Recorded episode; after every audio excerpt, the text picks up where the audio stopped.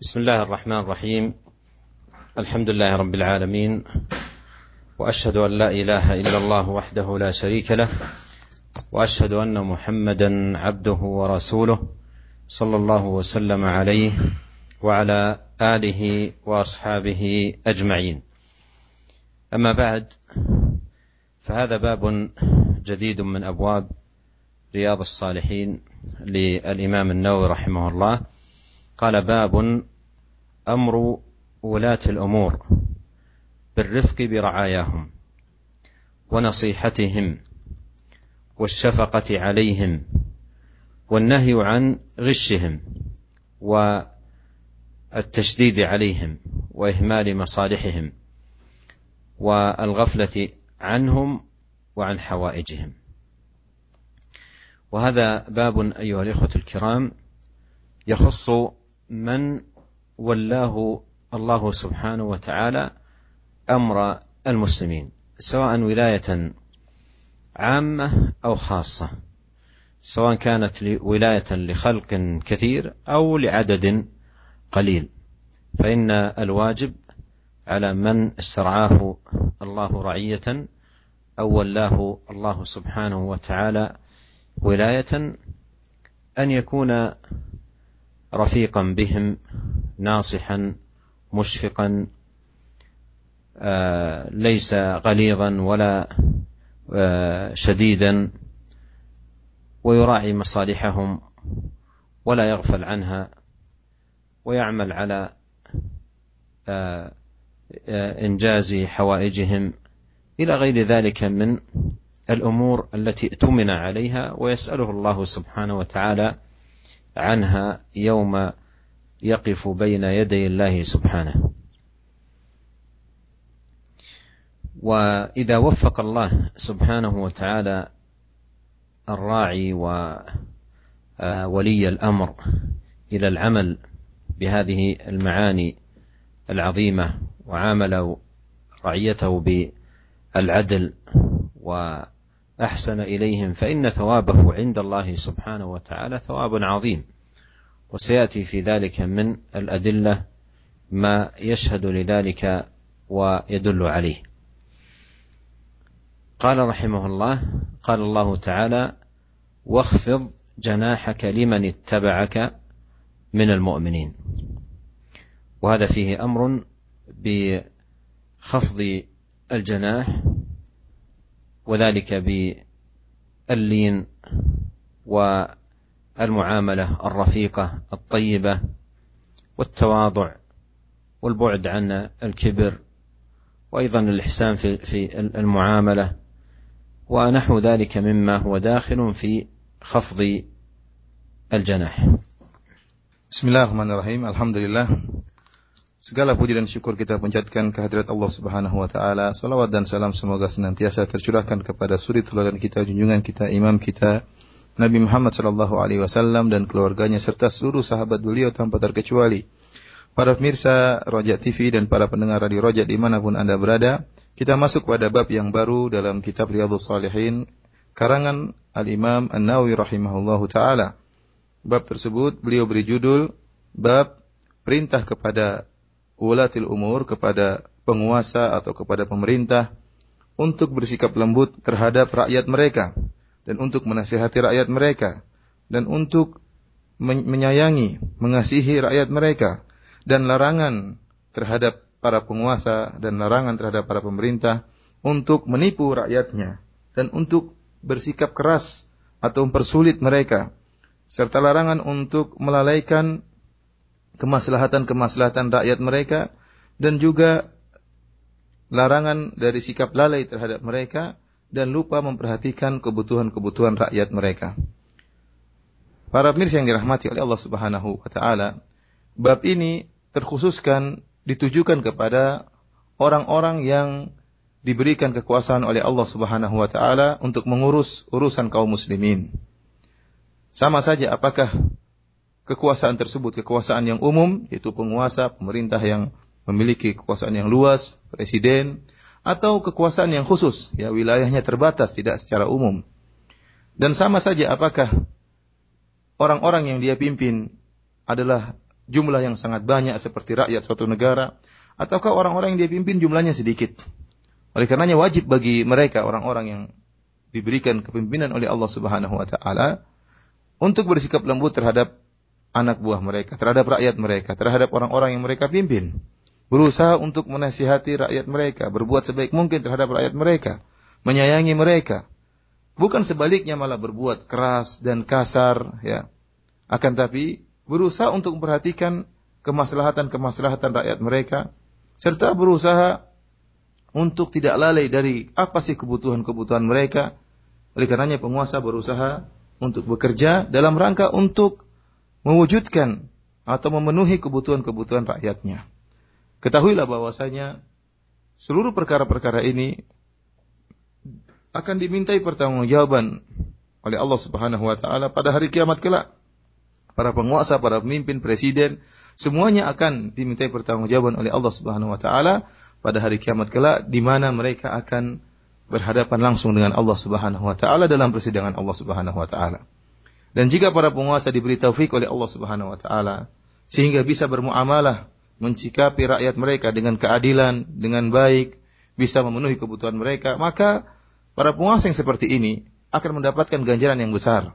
Akan datang dalil-dalil yang menjelaskan akan besarnya ganjaran yang Allah sediakan bagi para penguasa yang jujur dan adil dan memperhatikan rakyat rakyatnya. Al-Imam Nawawi rahimahullah membawakan ayat yang pertama itu firman Allah Subhanahu wa taala, "Wakhfid janahaka liman ittaba'aka minal mu'minin." Hendaknya engkau merendahkan dirimu terhadap orang-orang yang mengikutimu dari kaum mukminin. Dalam ayat ini ada perintah untuk merendahkan diri, ya tidak sombong, tidak takabur, akan tapi bersikap lin, bersikap lemah lembut, berusaha bermuamalah dengan cara yang lemah lembut, dengan cara yang baik, menjauhkan diri dari ya keangkuhan dan kesombongan terhadap kesombongan terhadap orang yang dia pimpin dan perintah untuk berbuat ihsan kepada uh, orang yang dipimpin.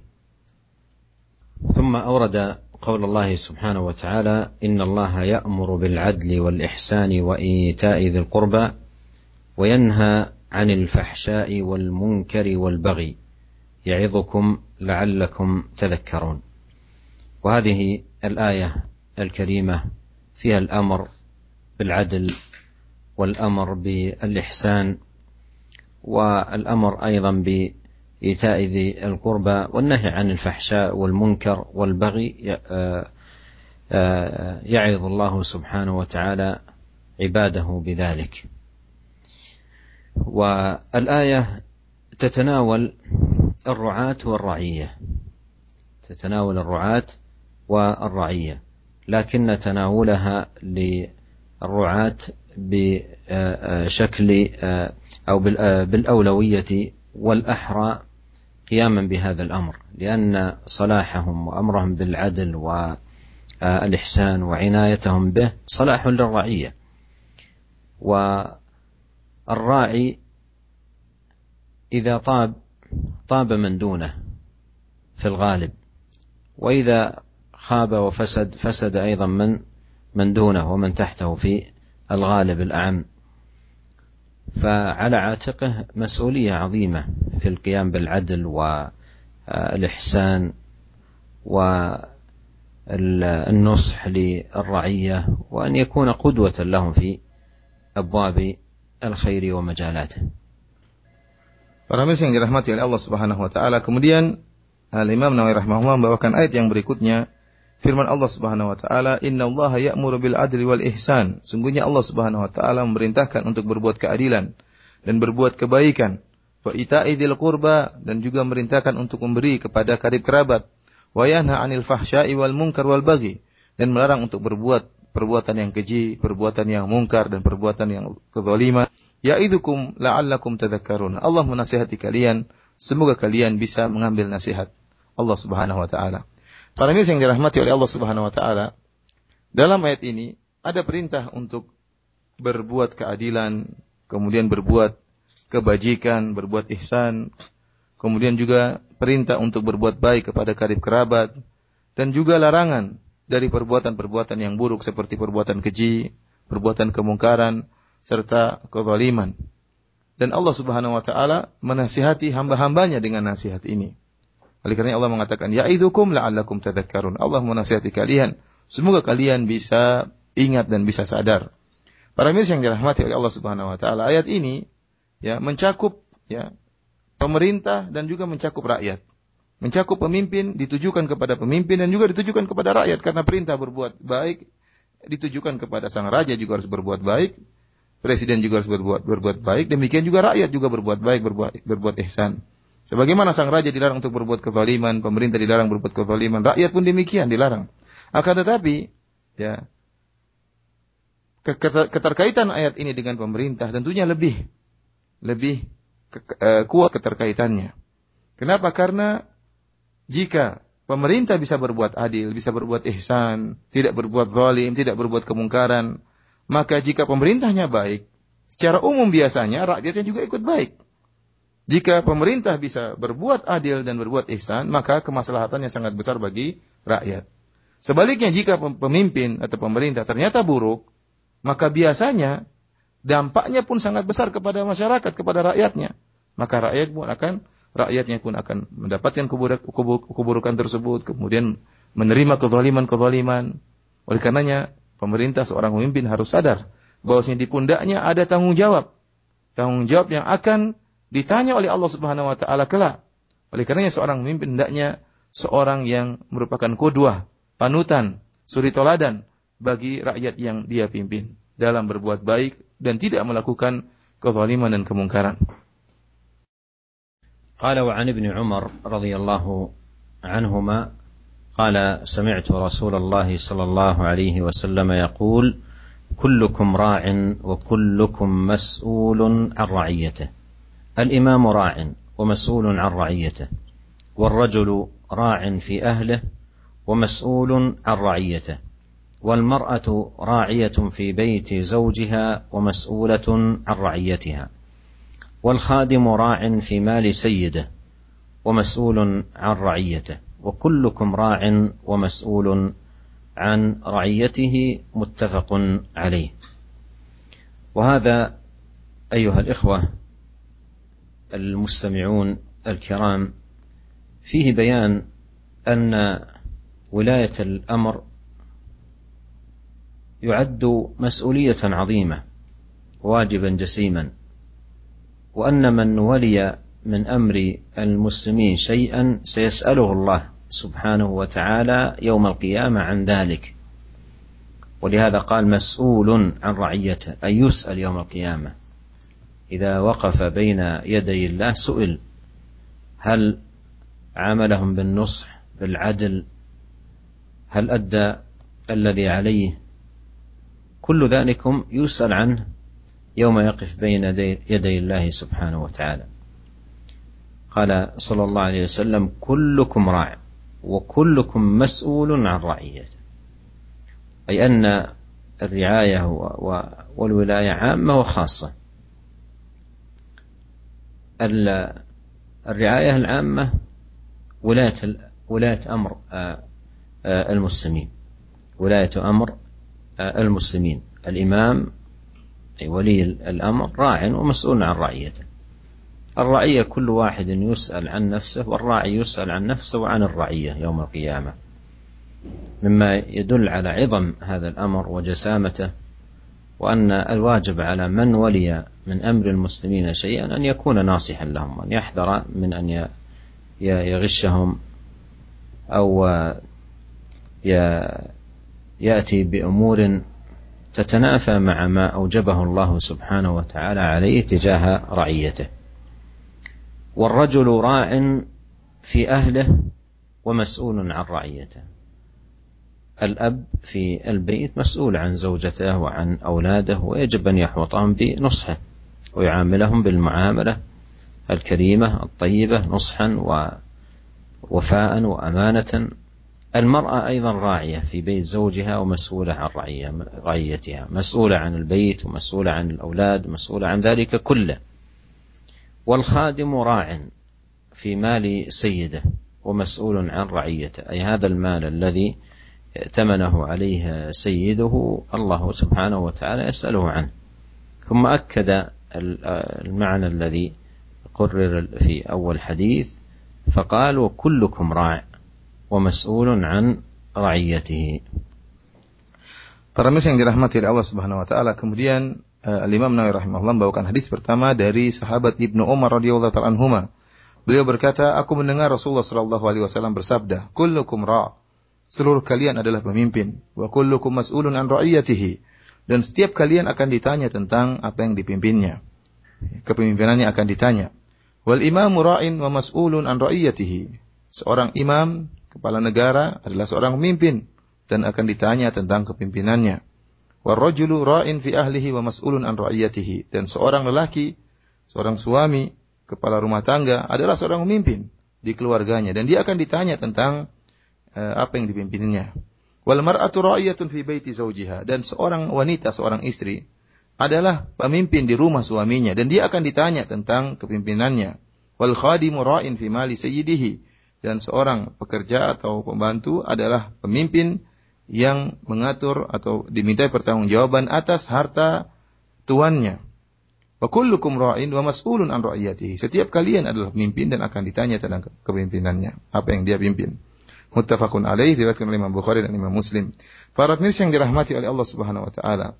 Dalam hadis ini ada penjelasan tentang bahwasanya kepemimpinan adalah suatu tanggung jawab, pertanggungjawaban yang akan dimintai pertanggungjawaban oleh Allah Subhanahu wa taala. Suatu beban beban yang berat, kewajiban yang besar yang akan ditanya oleh Allah Subhanahu wa taala. Siapa pun yang memimpin suatu urusan dari kaum muslimin, dia pasti akan ditanya oleh Allah. Oleh karena Allah Rasulullah SAW mengatakan, "Wa kullukum mas'ulun." Setiap kalian akan ditanya. Yaitu akan ditanya pada hari kiamat tatkala dia berhadapan dengan Allah Subhanahu wa taala. Maka Allah akan menyidangnya dan bertanya kepada dia, "Apakah engkau telah menjalankan tugasmu dengan baik? Apakah engkau telah bersikap adil berbuat baik terhadap anak buahmu, terhadap apa yang kau pimpin. Dan setiap kita akan dimintai pertanggungjawaban atas apa yang beban yang dibebankan kepada kita. Para pemirsa yang dirahmati oleh Allah Subhanahu wa taala, dalam hadis ini jelas bahwasanya kepemimpinan yang dimintai pertanggungjawaban oleh Allah Subhanahu wa taala bisa merupakan kepemimpinan wilayah yang luas seperti seorang raja, seorang presiden, pemerintah dan bisa jadi kepemimpinan yang khusus ya, dalam wilayah yang kecil dalam apa uh, kecakupan yang kecil tidak tidak luas seperti keluarga dan yang lainnya. Dan setiap pemimpin akan ditanya oleh Allah Subhanahu wa taala. Adapun wilayah yang umum, kepemimpinan yang luas seperti raja, seorang imam yang memimpin rakyatnya, maka dia akan ditanya oleh Allah Subhanahu wa taala. Setiap rakyat akan ditanya oleh Allah akan tanggung jawab yang dipikul oleh rakyat. Dia akan ditanya tentang dirinya. Tetapi seorang pemimpin, seorang presiden akan ditanya tentang dirinya dan akan ditanya tentang pertanggungjawaban terhadap rakyatnya yang begitu banyak jumlahnya. Yang ini menunjukkan akan bahayanya sikap seorang pemimpin yang kemudian tidak berbuat adil, tidak berbuat baik, berbuat ghish, malah menipu rakyatnya, membodoh-bodohi rakyatnya, mendolimi rakyatnya, melakukan hal-hal yang bertentangan dengan perintah Allah Subhanahu wa taala untuk memperhatikan kemaslahatan dan memenuhi kebutuhan rakyatnya. Dan sebagaimana Presiden juga akan diminta pertanggungjawaban oleh Allah Subhanahu wa taala. Demikian juga pemimpin-pemimpin dalam skup yang lebih kecil. Contohnya seorang ayah, ya. Seorang ayah kata Nabi sallallahu alaihi wasallam, "Ar-rajulu ra'in fi ahlihi mas'ulun an ra'iyatihi." Seorang ayah akan ditanya, diminta pertanggungjawaban oleh Allah Subhanahu wa taala tentang bagaimana pengaturan dia terhadap istrinya, bagaimana pengaturannya terhadap anak-anaknya. Apakah sang ayah sudah bermuamalah dengan muamalah yang baik terhadap istri dan anak-anaknya? Ini semua akan ditanya oleh Allah Subhanahu wa taala. Demikian juga seorang wanita, seorang ibu rumah tangga akan ditanya, dia punya tanggung jawab terhadap rumahnya, rumah suaminya dan punya pertanggungjawaban beban yang dibebankan untuk mengatur anak-anaknya. Ini pun akan ditanya oleh Allah Subhanahu wa taala. Seorang pekerja, pembantu, demikian juga. Tatkala sang tuannya telah memberi amanah untuk menjaga hartanya, maka pembantu ini, pekerja ini pun akan diminta pertanggungjawaban oleh Allah Subhanahu wa taala tentang harta tuannya. Di akhir hadis kata Nabi SAW mengulangi apa yang diucapkan oleh Nabi di awal kali. Di awal hadis Rasulullah mengatakan kullukum ra'in wa kullukum mas'ulun an ra'iyati. Setiap kalian pemimpin akan dimintai pertanggungjawaban atas pimpinannya. Di akhir hadis Rasulullah menekankan kembali, Rasulullah ulang, wa kullukum ra'in wa kullukum mas'ulun an ra'iyati. Setiap kalian pemimpin dan akan dimintai pertanggungjawaban atas kepimpinannya. ثم أورد رحمه الله تعالى حديث أبي يعلى معقل بن يسار رضي الله عنه قال سمعت رسول الله صلى الله عليه وسلم يقول ما من عبد يسترعيه الله رعية يموت يوم يموت وهو غاش لرعيته إلا حرم الله عليه الجنة. متفق عليه. وفي رواية فلم يحطها بنصحه لم يجد رائحة الجنة. وفي رواية لمسلم ما من أمير يلي أمور المسلمين ثم لا يجهد لهم وينصح وينصح لهم إلا لم يدخل معهم الجنة. وهذا الحديث فيه تحذير شديد أيها الإخوة المستمعون الكرام من الغش للرعية وسوء التعامل معهم من قبل ولاة الأمور ومن ولوا أمر المسلمين. ويجب على من ولي من أمر المسلمين شيئا إمارة عامة أو إمرة خاصة أو نحو ذلك أن يتقي الله سبحانه وتعالى وأن يتذكر أنه عبد من عباد الله وأنه سيموت وسيقف في دار الحساب بين يدي الله سبحانه وتعالى. فإذا كان والعياذ بالله غاش ومات على الغش للرعية فإن عقوبته شديدة. قال النبي صلى الله عليه وسلم في هذا الحديث لم يجد رائحة الجنة. وفي الرواية الأخرى قال إلا حرم الله عليه الجنة. في الرواية الثالثة قال إلا لم يدخل معهم الجنة. فالمسألة خطيرة جدا. يجب عليه أن يتأمل في هذا الحديث ونظائره وأن يتقي الله سبحانه وتعالى وأن يتذكر أن مدة ولايته لا تطول سنتين ثلاث أربع خمس أو أكثر ثم النهاية الموت والوقوف بين يدي الله سبحانه وتعالى والمحاسبة والمجازات. فالأمر عظيم وخطير جدا وجدير بكل من ولي ولاية خاصة أو عامة لنفر قليل أو لخلق كثير أن يتقي الله سبحانه وتعالى في من يسترعيهم.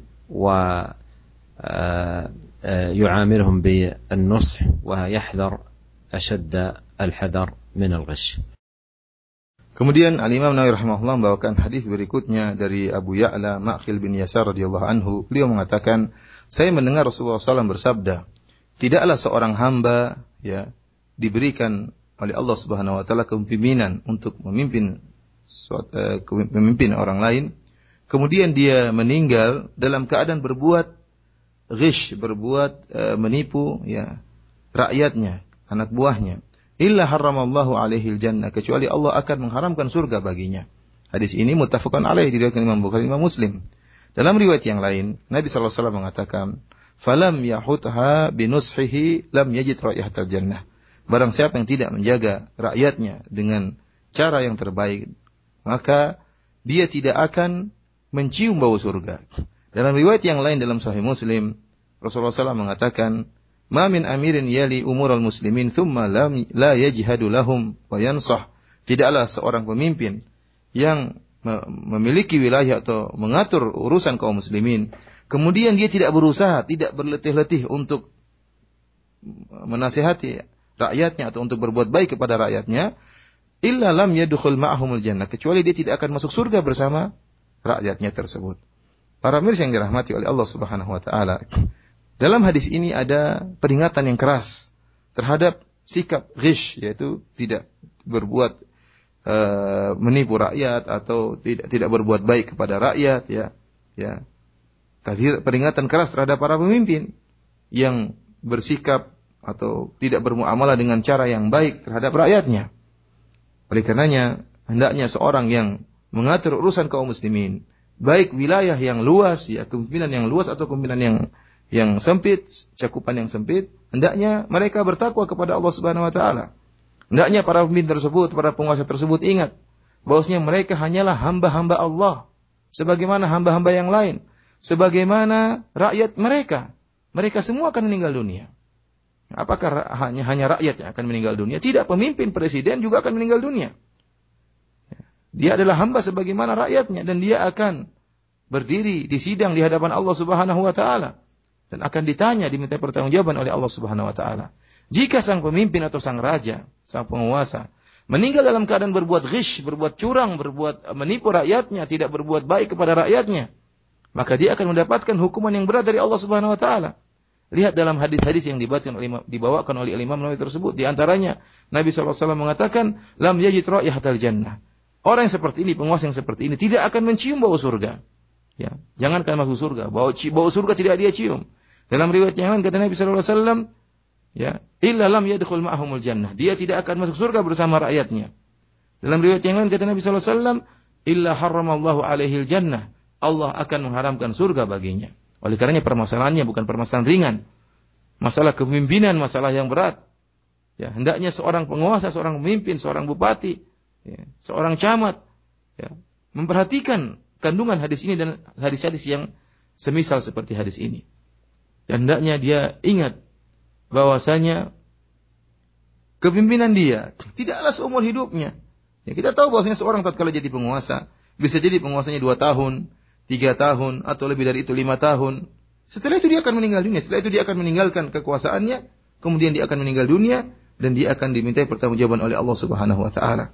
Oleh karena jangan sampai waktu kekuasaannya yang singkat ini kemudian dia melakukan perbuatan ghish, perbuatan yang yang buruk terhadap rakyatnya sehingga dia akan dimintai pertanggungjawaban oleh Allah Subhanahu wa taala dan perkaranya adalah perkara yang sangat mengerikan dan sangat berbahaya. Oleh karenanya hati-hati para pemimpin jangan sampai mereka melakukan hal-hal yang bertentangan dengan perintah Allah untuk berbuat adil, berbuat baik, ya dan berbuat berusaha semaksimal mungkin untuk bisa berbuat kebaikan kepada anak buah dan rakyatnya.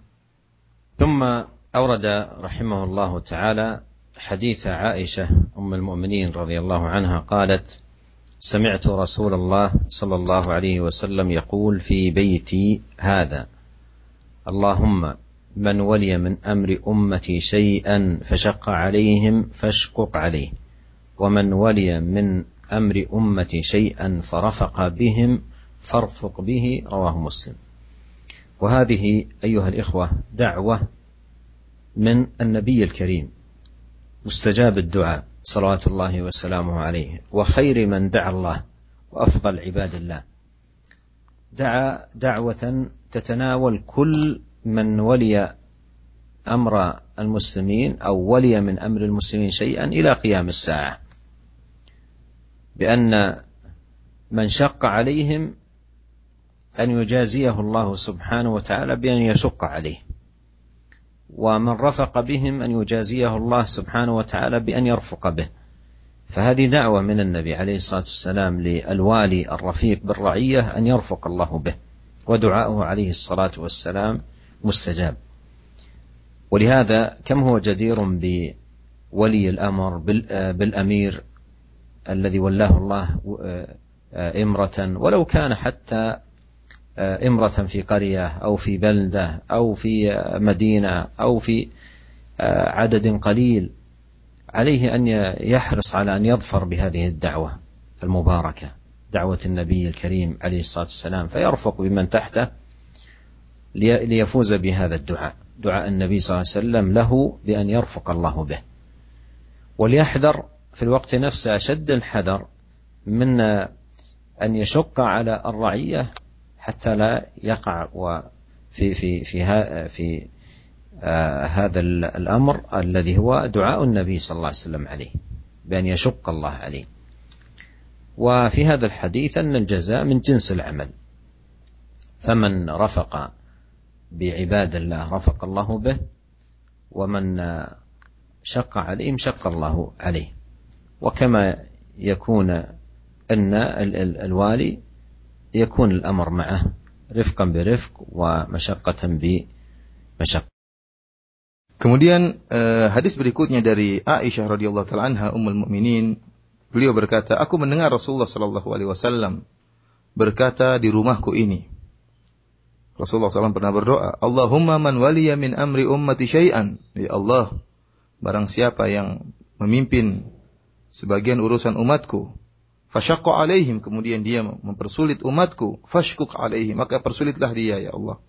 Wa man waliya min amri ummati syai'an dan barang siapa yang mengatur urusan umatku ya sesuatu dari urusan umatku farafaqa bihim kemudian dia berbuat lembut terhadap umatku tersebut farfuq bihi maka sikaplah bersikaplah lembut terhadapnya. Hadis ini diriwayatkan oleh Al-Imam Muslim. Para mirsa Roja TV di mana pun anda berada para pendengar radio Roja yang dirahmati oleh Allah Subhanahu Wa Taala dalam hadis ini nampak bahwasanya Nabi Shallallahu Alaihi Wasallam berdoa kepada Allah Subhanahu Wa Taala dan Nabi Shallallahu Alaihi Wasallam adalah orang yang terbaik yang berdoa kepada Allah Subhanahu Wa Taala dan doa Nabi Shallallahu Alaihi Wasallam dikabulkan oleh Allah Subhanahu Wa Taala. Dan doa ini mencakup seluruh orang yang mengatur urusan kaum muslimin. Baik urusan yang luas maupun urusan yang yang cakupannya kecil. Baik penguasa, baik presiden, baik gubernur, baik bupati, baik camat, baik kepala sekolah. Ya. Baik kepala instansi tertentu. Ya. Seluruhnya. Tercakup dalam doa Nabi SAW. Barang siapa yang berbuat baik kepada bawahannya, bersikap lembut kepada bawahannya maka Allah akan hendaknya Allah akan berbuat baik kepadanya, lembut kepadanya. Dan Nabi SAW berdoa dan barang siapa yang persulit urusan anak buahnya, ya, maka semoga Allah juga mempersulit urusannya. Dan kita ketahui bahwasanya doa Nabi Shallallahu Alaihi Wasallam adalah doa yang yang terkabulkan. Oleh karena hendaknya seorang pemimpin berhati-hati dan mengingat kandungan hadis ini doa Nabi Shallallahu Alaihi Wasallam Meskipun dia adalah seorang pemimpin dalam cakupan yang sempit, misalnya mungkin hanya seorang camat atau seorang lurah, kepala RT, kepala RW, ya. Ini jangan disangka hanya presiden saja yang diminta pertanggungjawaban. Kepala RT, kepala RW pun akan diminta pertanggungjawaban oleh Allah Subhanahu wa taala. Seorang pemimpin berusaha untuk meraih ya doa Nabi SAW yang baik. Di mana Nabi mendoakan kalau mereka bersifat kalau dia bersikap lembut terhadap anak buahnya, maka dia akan dilembuti oleh Allah Subhanahu wa taala. Dia berusaha untuk bisa mendapatkan kebaikan doa ini. Dan dia hendaknya berhati-hati. Jangan sampai dia kemudian persulit urusan anak buahnya, urusan, urusan rakyatnya, urusan warganya, ya, kemudian Allah Subhanahu wa taala akan persulit urusannya. Dalam hadis ini jelas al jaza min jinsil amal. Balasan sesuai dengan perbuatan. Barang siapa yang berbuat lembut terhadap hamba-hamba Allah, maka Allah akan berbuat lembutnya, lembut kepadanya. Dan barang siapa yang mempersulit, berbuat kasar, keras terhadap hamba-hamba Allah, maka Allah akan persulit urusannya. ثم أورد رحمه الله تعالى حديث أبي هريرة رضي الله عنه قال قال رسول الله صلى الله عليه وسلم كانت بنو إسرائيل تسوسهم الأنبياء. كلما هلك نبي خلفه نبي وإنه لا نبي بعدي وسيكون خلفاء فيكثرون. قالوا يا رسول الله فما تأمرنا؟ قال أوفوا ببيعة ببيعة الأول فالأول أعطوهم حقهم واسألوا الله الذي لكم فإن الله سائلهم عما استرعاهم متفق عليه. وقوله عليه الصلاة والسلام تسوسهم الأنبياء أي يعملون يبعث الله نبيا تلو آخر يصلحون أحوال الناس ويرعون شؤونهم. وأمره عليه الصلاة والسلام بالوفاء ببيعة الأول أي لزوم ذلك وأداء ما له من حق من سمع وطاعة ونحو ذلك. ثم بين عليه الصلاة والسلام أن من كان من الولاة غير ناصح فعلى الرعية أن تعطي الوالي حقه وحقه السمع والطاعة في غير معصية الله سبحانه وتعالى. وتسأل الله الذي لها. ولتعلم الرعية أن الله عز وجل يوم القيامة سيسأل هذا الراعي عما استرعاه ويحاسبه على ما كان يحكم به في رعيته. والموقف يوم القيامة موقف عظيم. وفي ذلك اليوم يقول الله سبحانه وتعالى أنا الملك أنا الديان أين ملوك الأرض؟ والله يقول في القرآن لمن الملك اليوم لله الواحد القهار. فمن الخير للإنسان أن يتذكر هذا الموقف العظيم بين يدي الله سبحانه وتعالى وعليه أن يحاسب نفسه قبل أن يحاسبه الله وأن يزن أعماله قبل أن توزن بين يدي الله سبحانه وتعالى. Kemudian Al-Imam Nawawi rahimahullah membawakan hadis berikutnya dari Abu Hurairah radhiyallahu anhu. Rasulullah SAW pernah bersabda, dahulu Banu Israel diatur urusan mereka oleh para nabi, para anbiya. Setiap seorang nabi meninggal dunia, maka akan datang nabi yang berikutnya. Dan sungguhnya tidak ada nabi setelahku kata Nabi sallallahu alaihi wasallam. Wa sayakunu khulafa'u fayakthurun dan akan ada khalifah-khalifah setelahku dan jumlah mereka akan banyak. Qalu ya Rasulullah fama ta'muruna? Para sahabat bertanya, ya Rasul apa yang kau perintahkan kepada kami? Kata Nabi SAW, Aufu bi bai'atil awal fal awal. Hendaknya kalian memenuhi baiat ya, yang pemimpin pertama dan seterusnya, berikutnya dan berikutnya. A'tuhum haqqahum. Berikanlah kepada mereka para pemimpin hak mereka. Was'alullah alladhi lakum dan mintalah kepada Allah apa yang merupakan hak kalian. Fa inna Allah sa'iluhum amma sar'ahum. Sungguhnya Allah akan memintai pertanggungjawaban kepada para pemimpin tersebut atas apa yang mereka pimpin muttafaqun alaih. Para mirsa yang dirahmati Allah Subhanahu wa taala, demikianlah Rasulullah menjelaskan dalam hadis ini kondisi Bani Israel dahulu diatur oleh urusan mereka oleh para nabi. Ya, jika ada seorang nabi telah meninggal dunia, maka akan datang nabi yang lain.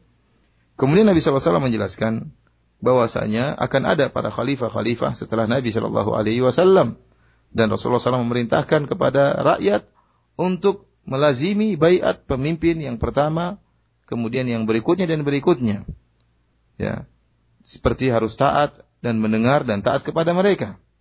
Kemudian Nabi SAW mengisyaratkan bahwasanya jika ada seorang pemimpin yang dia tidak berbuat baik kepada rakyatnya, ya, tidak menasehati rakyatnya, ya, tetap wajib bagi rakyat untuk menunaikan hak sang pemimpin tersebut, yaitu tetap dengar dan taat pada perkara-perkara yang bukan maksiat kepada Allah Subhanahu wa taala. Dan hendaknya para rakyat sadar bahwasanya pemimpin yang berbuat zalim tersebut atau tidak menunaikan haknya, dia akan diminta pertanggungjawaban oleh Allah Subhanahu wa taala atas apa yang dipimpinnya. Pemimpin tersebut yang tidak berbuat adil itu akan berdiri di hadapan Allah Subhanahu wa taala pada hari kiamat kelak. Disidang oleh Allah Subhanahu wa taala. Tugas rakyat adalah dengar dan taat pada perkara yang bukan maksiat. Urusan pemimpin, urusan Allah Subhanahu wa taala, dia akan diminta pertanggungjawaban oleh Allah Subhanahu wa taala. Pada hari di mana Allah Subhanahu wa taala akan berkata, Anal Malik, ana Dayyan, aina mulukul ard. Kata Allah Subhanahu wa taala, aku adalah sang raja pada hari kiamat kelak. Aku yang akan balas segala urusan. Mana raja-raja dunia? Tidak ada tatkala hari kiamat. Raja dunia tidak ada. Dalam Al-Quran Allah Subhanahu wa taala mengatakan, "Limanil mulkul yaum lillahil wahidil qahar." Kerajaan sekarang milik siapa? Hari kiamat kelak hanya milik Allah Subhanahu wa taala yang Maha Esa dan Maha Kuasa. Oleh karenanya pemimpin hendaknya dia menghisap dirinya sebelum dia dihisap oleh Allah Subhanahu wa taala pada hari persidangan dan pada hari pembalasan pada hari kiamat kelak. ثم أورد رحمه الله حديث عائذ بن عمرو رضي الله عنه أنه دخل على عبيد الله بن زياد فقال له أي بني إني سمعت رسول الله صلى الله عليه وسلم يقول إن شر الرعاء الحطمة فإياك أن تكون منهم.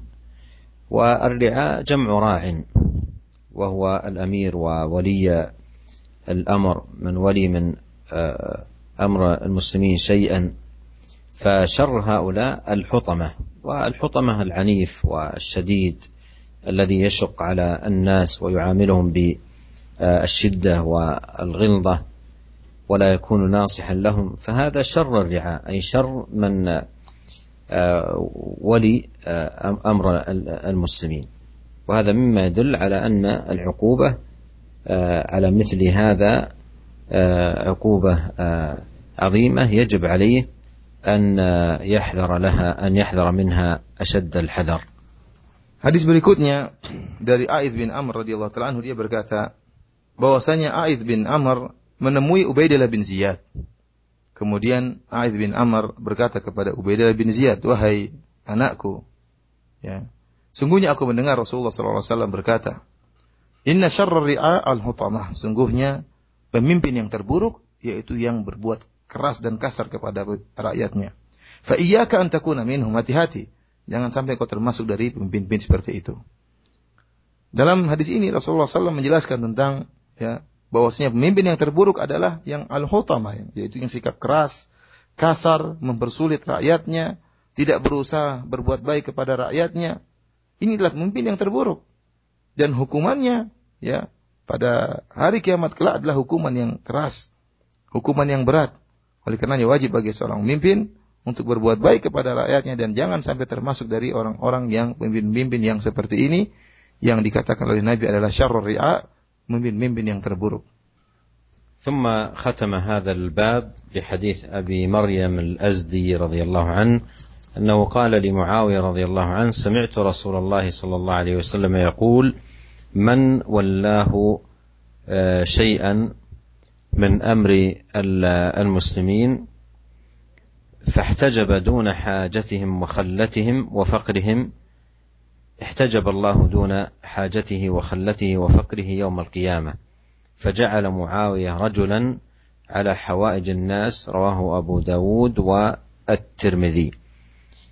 وهذا الحديث فيه تحذير الولاة ولاة الأمر من أن يحتجبوا دون الرعية بحيث لا يصل إليهم الرعية ولا يصل ولا تصل إليهم حاجة الرعية ولا ما في فيه من فقر أو حاجة أو عوز أو نحو ذلك. كل ذلك لا يصل لأن بينهم وبينه بين الوالي حجاب والحجاب أيضا لا يوصلون إليه حاجة الناس. فمن كان من الولاة كذلك قال في الحديث احتجب الله دون حاجته وخلته وفقره يوم القيامة. وهذا فيه أن الجزاء من جنس العمل. وكل هذه النصوص تخص ولاة الأمر ومن ولي شيئا من أمر المسلمين قل أو كثر وأن عليه أن يتقي الله سبحانه وتعالى وأن يحاسب نفسه قبل أن يحاسبه الله وأن يزن أعماله قبل أن توزن يوم القيامة بين يدي الله سبحانه وتعالى. وليعد للمسألة جوابا وليكن الجواب صوابا. والتوفيق بيد الله وحده. نسأله جل أن يصلح ولاة أمر المسلمين وأن يهدينا وإياهم إليه صراطا مستقيما وأن يصلح لنا شأننا كله. إنه سميع قريب مجيب. والسلام عليكم ورحمة الله وبركاته. Waalaikumsalam warahmatullahi wabarakatuh. Jazakallah khairan ya Syekh. Kemudian hadis yang terakhir dari Abu Maryam Al-Azdi, dia pernah berkata kepada Muawiyah radhiyallahu taala anhu, "Aku mendengar Rasulullah SAW bersabda, barang siapa yang Allah menjadikan dia memimpin sebagian urusan dari kaum muslimin, fahtajaba duna hajatihim wa khallatihim wa faqrihim." Kemudian dia ya tertutup sehingga tidak mengetahui kebutuhan rakyatnya, kemudian keluhan rakyatnya serta kemiskinan rakyatnya ihtajaballahu duna hajati wa khallati wa faqri yaumal qiyamah. Maka Allah pun demikian. Allah akan membalasnya sehingga tidak memperdulikan kebutuhannya atau memperdulikan uh, keluhannya dan juga kemiskinannya kemiskinannya pada hari kiamat. Setelah mendengar hadis ini, maka Muawiyah radhiyallahu taala anhu mengkhususkan seorang untuk melihat atau mengetahui kebutuhan-kebutuhan rakyatnya. Hadis ini diriwayatkan oleh Abu Daud dan Tirmidzi. Para mirsa yang dirahmati oleh Allah Subhanahu wa taala. Dalam hadis ini ada peringatan keras bagi para penguasa yang mereka ya menutup dirinya sehingga mereka tidak bisa bertemu dengan rakyatnya dan rakyat itu tidak bisa bertemu dengan mereka, kebutuhan-kebutuhan rakyat tidak pernah dia dengar ya. Karena dia menjadikan antara dia dengan rakyatnya orang-orang yang ya anak buahnya yang menghalangi untuk ber, ber, untuk mengetahui uh, kebutuhan-kebutuhan rakyatnya sehingga keluhan rakyat tidak sampai kepada dia, keluhan-keluhan rakyat tidak sampai kepada dia. Orang yang seperti ini ya akan dibalas oleh Allah pada hari kiamat. Allah tidak akan pedulikan dia. Ya, keluhannya tidak akan Allah dengar, kemiskinan tidak akan Allah dengar, ya, doanya tidak akan dikabulkan oleh Allah Subhanahu wa taala. Dan kita tahu al jaza min jinsil amal, balasan sesuai dengan perbuatan. Oleh karenanya, hadis-hadis yang telah kita bacakan pada pertemuan kali ini terkhususkan ditujukan kepada wulatul umur, pada para, para penguasa, kepada para pemimpin, baik yang dipimpinnya jumlah yang banyak atau kepemimpinan dalam sukup yang kecil, bupati, camat, lurah, kepala sekolah, ya kepala instansi dan yang lainnya. Ya, hendaknya mereka ya bertakwa kepada Allah Subhanahu wa taala. Hendaknya mereka menimbang menimbang amalan mereka sebelum amalan, amalan mereka ditimbang oleh Allah Subhanahu wa taala. Hendaknya mereka menghisap amalan mereka sebelum mereka dihisap oleh Allah Subhanahu wa taala. Hendaknya mereka persiapkan jawaban karena mereka akan ditanya oleh Allah Subhanahu wa taala. Dan hendaknya jawaban, jawaban mereka kepada Allah adalah jawaban yang benar, bukan jawaban yang salah. Kita mohon kepada Allah Subhanahu wa taala agar meluruskan, perbaiki para penguasa kaum muslimin sehingga dengan ke kebaikan mereka akan menjadi kebaikan bagi umat Islam dan bagi rakyat mereka. Demikian saja wabillahi taufiq wal hidayah. Assalamualaikum warahmatullahi wabarakatuh.